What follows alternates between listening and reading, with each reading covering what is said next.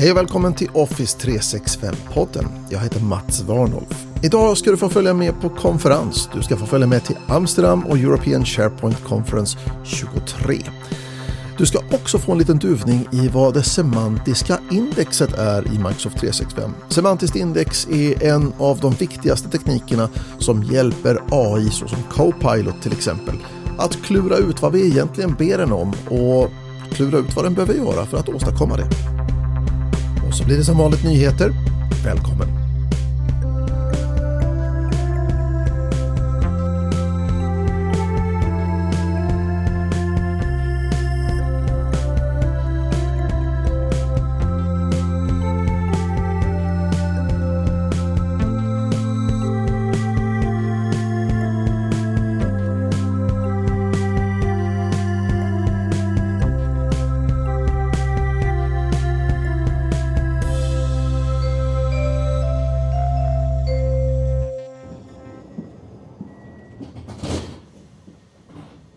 För ett par veckor sedan klev jag på lokaltåget här i den lilla orten Hjärup där jag bor och påbörjade en resa som skulle ta mig till Amsterdam och tillbaka. Meningen med resan var att besöka European SharePoint Conference, eller ESPC som vi kallar den. Det är en speciell känsla att besöka en konferens av den här storleken med fler än tusen personer på samma plats. Människor från hela världen som alla söker efter och hittar den här känslan av samhörighet och gemenskap. Utställare som vill visa sina produkter och erbjuda sina tjänster. Talare som vill dela med sig av sina kunskaper. Deltagare som vill bli inspirerade och få nya idéer, kunskaper och kontakter. Thank you. Thank you, thank you. Good morning and welcome to ESPC 23. Goedemorgen and welcome. My name is Kevin Monaghan and on behalf of the ESPC team, you're all so welcome to what's actually the 10th in-person ESPC. So, thank you.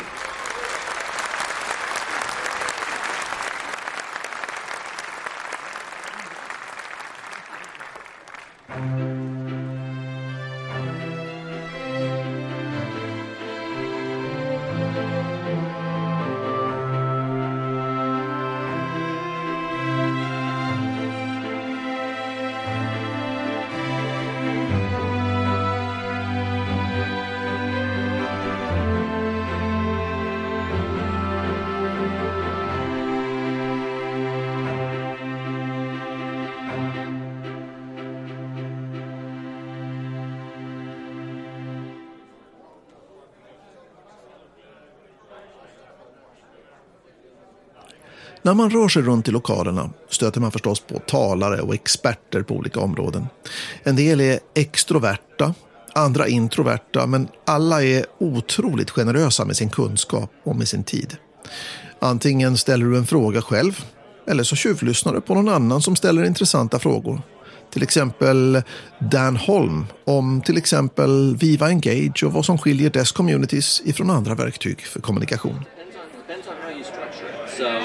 For example, the all company community, which has everyone and no one can leave. Any, any, any, anything you push, anything you push there will get to everyone. But then it's the hundred thousand employees. Right, but but so like most of our most of our customers, like Microsoft, who are using this for communications, we have communities like we have a Canada community, a UK community, we have an engineers an engineers community. So and people are put into that by our HR system. So it's like I can't opt out of it either. So in that case, I can get engineering news, but I won't get marketing news. Yeah.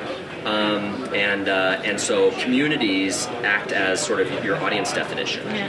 um, and then it will still show up on the Viva Connections feed. If you put the web part on your intranet, it will show up there. Um, so you can really get the same result of, of, of information getting to the right people. What, where it starts to get different is first with Engage. Um, you have the option, if you're posting to a, a, a public community, to get it to those people, but then it's also visible to everyone else, and other people are going to find it valuable. With SharePoint, it's only going to go to that target audience. No one else will see it. But we have the Right. possibility. We can uh, We have like uh, editor's choice. You can subscribe to news and so. Sure, so which you can do in Engage too. But what you can't do in No, SharePoint no, is but like if I publish a SharePoint news article, it will only go to a specific audience, uh, it- the people who follow that site, or my target audience. We have a subscription.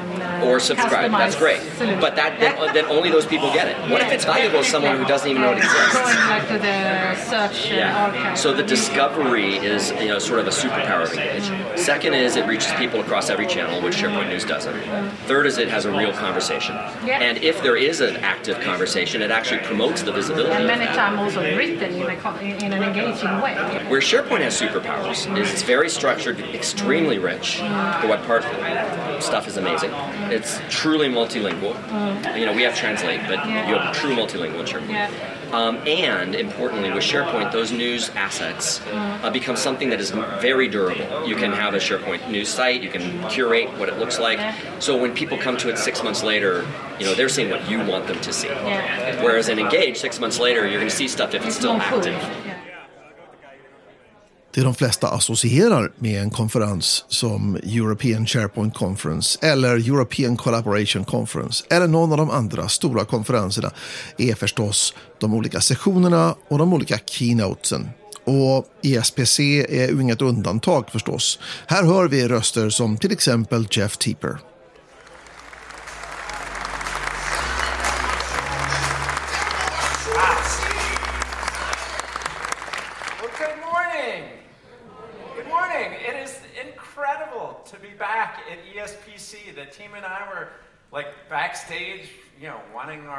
Up suits and just we're super excited to be with you this week and get to share what we think is our biggest roadmap that we've ever done at ESPC and get your feedback on uh, what you think of it, what you think we need to do next, and just also have a good time. And so I want to kick things off by profusely thanking the team here at ESPC. You know, we've come back uh, here for over a decade, and Kevin, Sarah, and team just do such an incredible job. But it's not just them, it's the people pulling together the logistics and the agenda, Luis Palo and so many other people, speakers, sponsors, and thanks all of you. It's really exciting to hear from Kevin uh, that this isn't just about Europe. People come from all over the world to what is truly an incredible event. And the point of this is there's a lot changing in technology, and so we want to talk about it together. Uh, you want to learn the latest from us. We want to learn from all of you. Uh, we want to hear the case studies, the success stories, the feedback. It's a chance to grow our skills and impact on the organizations we work with. But also, and I think one thing that's really wonderful about this community is how many people make lifelong friendships that know each other for years, if not decades. So if you're been a member of the community a long time, welcome back. If you're new to it, uh, I hope you see, like Luis said, this is some place that you can call home and continue to not just learn, but uh, get connected with. We're very excited uh, that the pandemic has passed and in person events are here again. Uh, we're hosting a site for all those called communitydays.org. Uh, Caruana from our team leads that effort, and you can uh, learn more from her. She's here this week. And it's wonderful to see these events continue to grow. I think just last week there was one in India and one in Lisbon. I think they're Lisbon, the, Lisbon, ah, there he is. There's the man right in the front row. I wondered if you'd be here. Uh, there's one coming up in uh, Mexico uh, this week. And so thank you again to everybody who's putting on these events and participating in them. Men jag då? Vad får jag ut av det här? Vad är det jag tycker är så bra med att åka på konferenser? I mina ögon så är det nätverkandet som är den viktigaste anledningen. Vi är många som arbetar med Microsoft 365 i Europa. Och vi kan lära oss oerhört mycket av varandra. Inte bara om teknik, utan om varandras sätt att tänka, varandras historier, ibland rövarhistorier. Det är svårt att inte ta intryck av kollegor i branschen. Vi pratar och skrattar och vi kommer på att vi gillar varandra och vi blir påminda om vår egen entusiasm över vad vi har valt att ägna vårt yrkesliv åt. En konferens är också en plats där man lär sig och gör insikter. En enkel kommentar från någon leder till en idé och plötsligt så fattar man någonting som har jäckat mig för, ja, jag vet inte hur länge. Vi får möjligheter att prata med människor vi är nyfikna på och kanske till och med ser upp lite till. Jag själv fick en halvtimme med Mark Cashman och med Heather Cook. Och att åka på en konferens som den här är en fantastisk möjlighet. Du hörde röster ifrån konferensbesökare. Du hörde det från Dan Holm som är Product Leader på Microsoft för Viva Engage.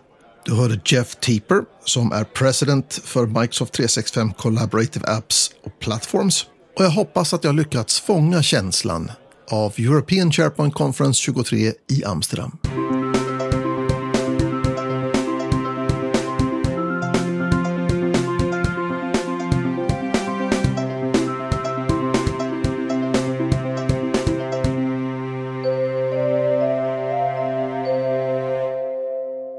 Nu ska vi prata om en spännande teknik som ligger bakom AI-assistenter som Copilot ska ska dyka ner i världen av vektorsökning och nyckelordsökning. Tänk dig att du har en gigantisk bokhylla full av böcker men ingen aning om var du ska börja leta. Och det är ju här dagens hjälte, sökmotorn, kommer in. När du ber en AI-assistent att göra något, som att formulera ett mejl till aktieägarna om någonting viktigt, ja, då behöver den först tolka din intention, vad det är du vill ska hända. Och sen ska den hitta relevant data att utgå ifrån när den nu genererar det du bad om. En generativ AI har förstås en massa data inbyggt i sig, men det är ju bara data den tränas på. Om du vill att den ska utgå från ditt data, korrekt, relevant och aktuell information när den genererar mejlet, ja, då behöver den grunda sitt svar. Då behöver den alltså kunna hitta den där korrekta och relevanta och aktuella informationen att utgå ifrån. Och till sin hjälp så har den en sökmotor.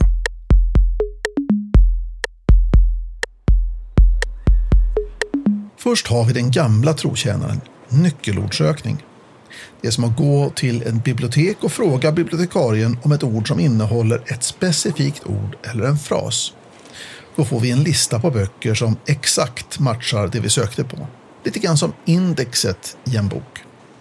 Det är snabbt och enkelt, men det har sina begränsningar. Om du inte vet exakt vilket ord du letar efter kan du gå miste om en hel del bra böcker. Nu kommer vi till den magiska biten, vektorsökning. Tänk dig att du går in i ett bibliotek där du får hjälp att hitta böcker baserat på vad du faktiskt är intresserad av och inte bara de exakta orden du sa. Det är som att bibliotekarien inte bara lyssnar på vad du säger utan också förstår din tanke bakom orden. Det görs genom att varje bok, eller i vårt fall varje bit av data, disk vektor i ett multidimensionellt rum som kallas för ett semantiskt index. Den här vektorn kombinerar datats fraser, datats betydelser, datats relationer och kontexten av data. Det låter komplicerat och det är det förstås. När indexet skapas så används en teknik som kallas för chunking som innebär att allt data delas upp i klumpar eller chunks. Och en klump kan liknas vid ett stycke i ett dokument. Ett stycke i sig består av ord och meningar som hör ihop. Precis som ord var och en för sig inte förmedlar så mycket, men om du kombinerar dem efter ett visst mönster så skapas mening. Det här är chunking och det fungerar på samma sätt. Den kombinerar information i klumpar för att ge bättre resultat i sökningen. Och det här gör verkligen skillnad. I en traditionell sökmotor som använder sig av nyckelordssökning, om du då söker på ordet äpple, så får du resultat som innehåller bara just det ordet. Men i en sökmotor med ett semantiskt index, om du söker på äpple, kan du också få resultat som handlar allmänt om frukt, om trädgårdsskötsel eller kanske till och med teknikföretaget Apple. Och det beror på att den semantiska indexeringen förstår att äpple kan ha olika betydelser beroende på kontexten. Så den tittar inte bara på ditt nyckelord utan på det du säger runt omkring nyckelordet. När det gäller vektorsökning så förstärker semantiskt index förmågan att hitta konceptuellt liknande innehåll. Om du söker på hur man odlar äpplen så kommer en semantiskt indexerad sökmotor att dra fram artiklar om trädgårdsskötsel, äppelsorter, odlingstips och kanske några recept på äppelpaj eftersom den förstår hur de ämnena är relaterade till din ursprungliga sökning. Semantiskt index för Copilot är en teknik som hjälper organisationer att förbereda för AI i arbetsmiljön. Det blir lite grann som att skapa en digital hjärna som förstår det du säger och vad du menar. Men behöver inte Copilot ta hänsyn till nyckelorden också? Här kommer hybridmetoden in. Den här metoden kombinerar styrkorna hos både nyckelords och vektorsökning. Det är som att ha en superbibliotekarie som både tar hänsyn till exakt vad du sa och kan läsa mellan raderna. Det som gör Copilot så kraftfullt är att den använder hybridmetoden för att grunda sina svar i den mest relevanta informationen som du har.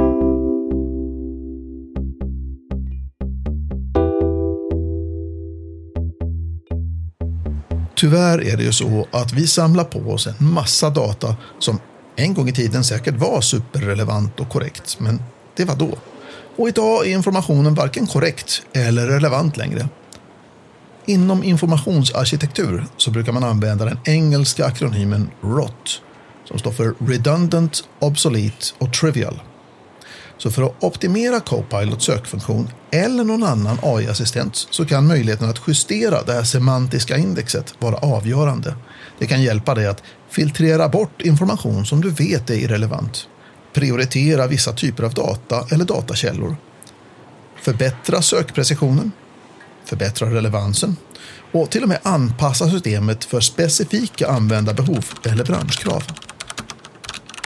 Så att kunna redigera sitt semantiska index är inte bara viktigt. Det är det som gör din AI-assistent så anpassningsbar, effektiv och användbar.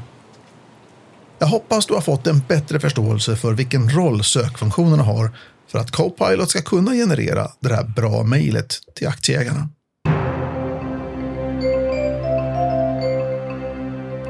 Dags för nyheter i Office 365-podden. Nu har vi fått en ny funktion i Viva Connections som heter Announcements. Announcements är en kortare form av nyhet, en slags blänkare kan vi säga, som skiljer sig från nyheter och artiklar just därför att de är korta, men de är väldigt synliga. De är gjorda för att greppa uppmärksamheten för de anställda på ett väldigt, väldigt effektivt sätt. Och den som skapar en sån här announcement kan just schemalägga den eller till och med rikta den för en speciell målgrupp. Ett announcement det har en giltighet på två veckor som standard. Man kan naturligtvis göra det här kortare eller lite längre om man vill, men två veckor, sen försvinner det. Det är enkelt att i efterhand gå in och se vem som har läst och vem som har tryckt OK på budskapet. Den här announcement-featuren fungerar på ett väldigt, väldigt konsekvent sätt oavsett vilken typ av enhet du har. Det dyker upp på samma sätt på mobilen som på din dator. Hur kommer man åt det här då? Ja, om du har möjlighet att posta ett announcement, om du har sådana behörigheter, så hittar du det på din Viva Connection-sida uppe i högerhörnet under ellipsen, det vill säga de tre prickarna, så finns announcement där. Och det här är tillgängligt redan idag. Microsoft Clipchamp, det verktyg som Microsoft köpte för många månader sedan och som har varit tillgängligt för den som har ett så kallat Microsoft account för att skapa och redigera videos för till exempel sociala medier ingår numera i din Microsoft 365. Med Clipchamp så är det enkelt att spela in en snabb skärminspelning eller motsvarande, lägga till flashiga effekter vad du nu vill för att publicera en video internt på ditt intranät till exempel. Eller varför inte ladda upp det till sociala medier. Verktyget i sig är föredömligt enkelt att använda och är som sagt tillgängligt redan idag i din Microsoft 365. Du hittar den genom clipchamp.microsoft.com om den inte redan nu finns i din startmeny i Microsoft 365. Men vänta nu här, det kommer mer Clipchamp.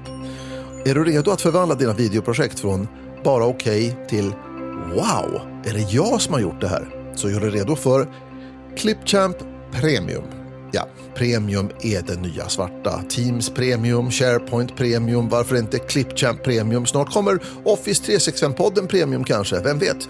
Med Clipchamp Premium så kan användare enkelt pimpa sina videos med varumärkets teckensnitt, färger och logotyper genom ett så kallat brandkit. Och inte nog med det, du får tillgång till en hel del färdigt bakgrundsmaterial till exempel. Små klipp eller animationer och liknande då, som är godkända för kommersiellt bruk. Och dessutom kan du exportera dina videor till knivskarpa 4K med 30 frames per second till MP4-filer.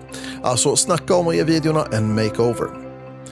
Clipchamp Premium kommer att vara tillgängliga som ett tillägg till Microsoft 365 E3 och E5 Business Standard och Business Premium. Med lanseringen av Clipchamp Premium kan användarna begära licenser och du som admin kan hantera dessa förfrågningar genom det vanliga Microsoft 365-gränssnittet. Ja, och dessutom naturligtvis så kommer du få noteringar på andra ställen. Ser du inte fram emot det redan nu? Det här är en del av Microsoft 365 Roadmap och du kan börja använda de här häftiga grejerna om du är i targeted release i början på december 2023. Det är nu. Och för standardreleasen, ja då kommer det här i början på januari 2024. Och det här håller på fram till början på februari när det här kommer vara tillgängligt för alla Microsoft 365-organisationer. Hur påverkar det här din organisation? Ja, med den nya licensbegärningsfunktionen kan användare begära en Clipchamp Premium-licens direkt i Clipchamp-appen. De här förfrågningarna syns tydligt i Admin Center där du kan godkänna eller neka förfrågningarna på ett och samma ställe. Användare måste ha tillgång till Clipchamp för att kunna begära en Clipchamp Premium tilläggslicens. Vad kommer det här kalaset att kosta då? Den som lever får se. Jag har inte den blekaste aning. Och det var nyheterna. Och det var faktiskt allt för Office 365-podden för den här gången. Tack så jättemycket för att du har lyssnat. Jag hoppas att du har fått ut något värde av det. Hör gärna av dig med frågor, tankar eller idéer. Office365-podden at varnolf.net är mejladressen. Ha en riktigt trevlig vecka. Vi hörs!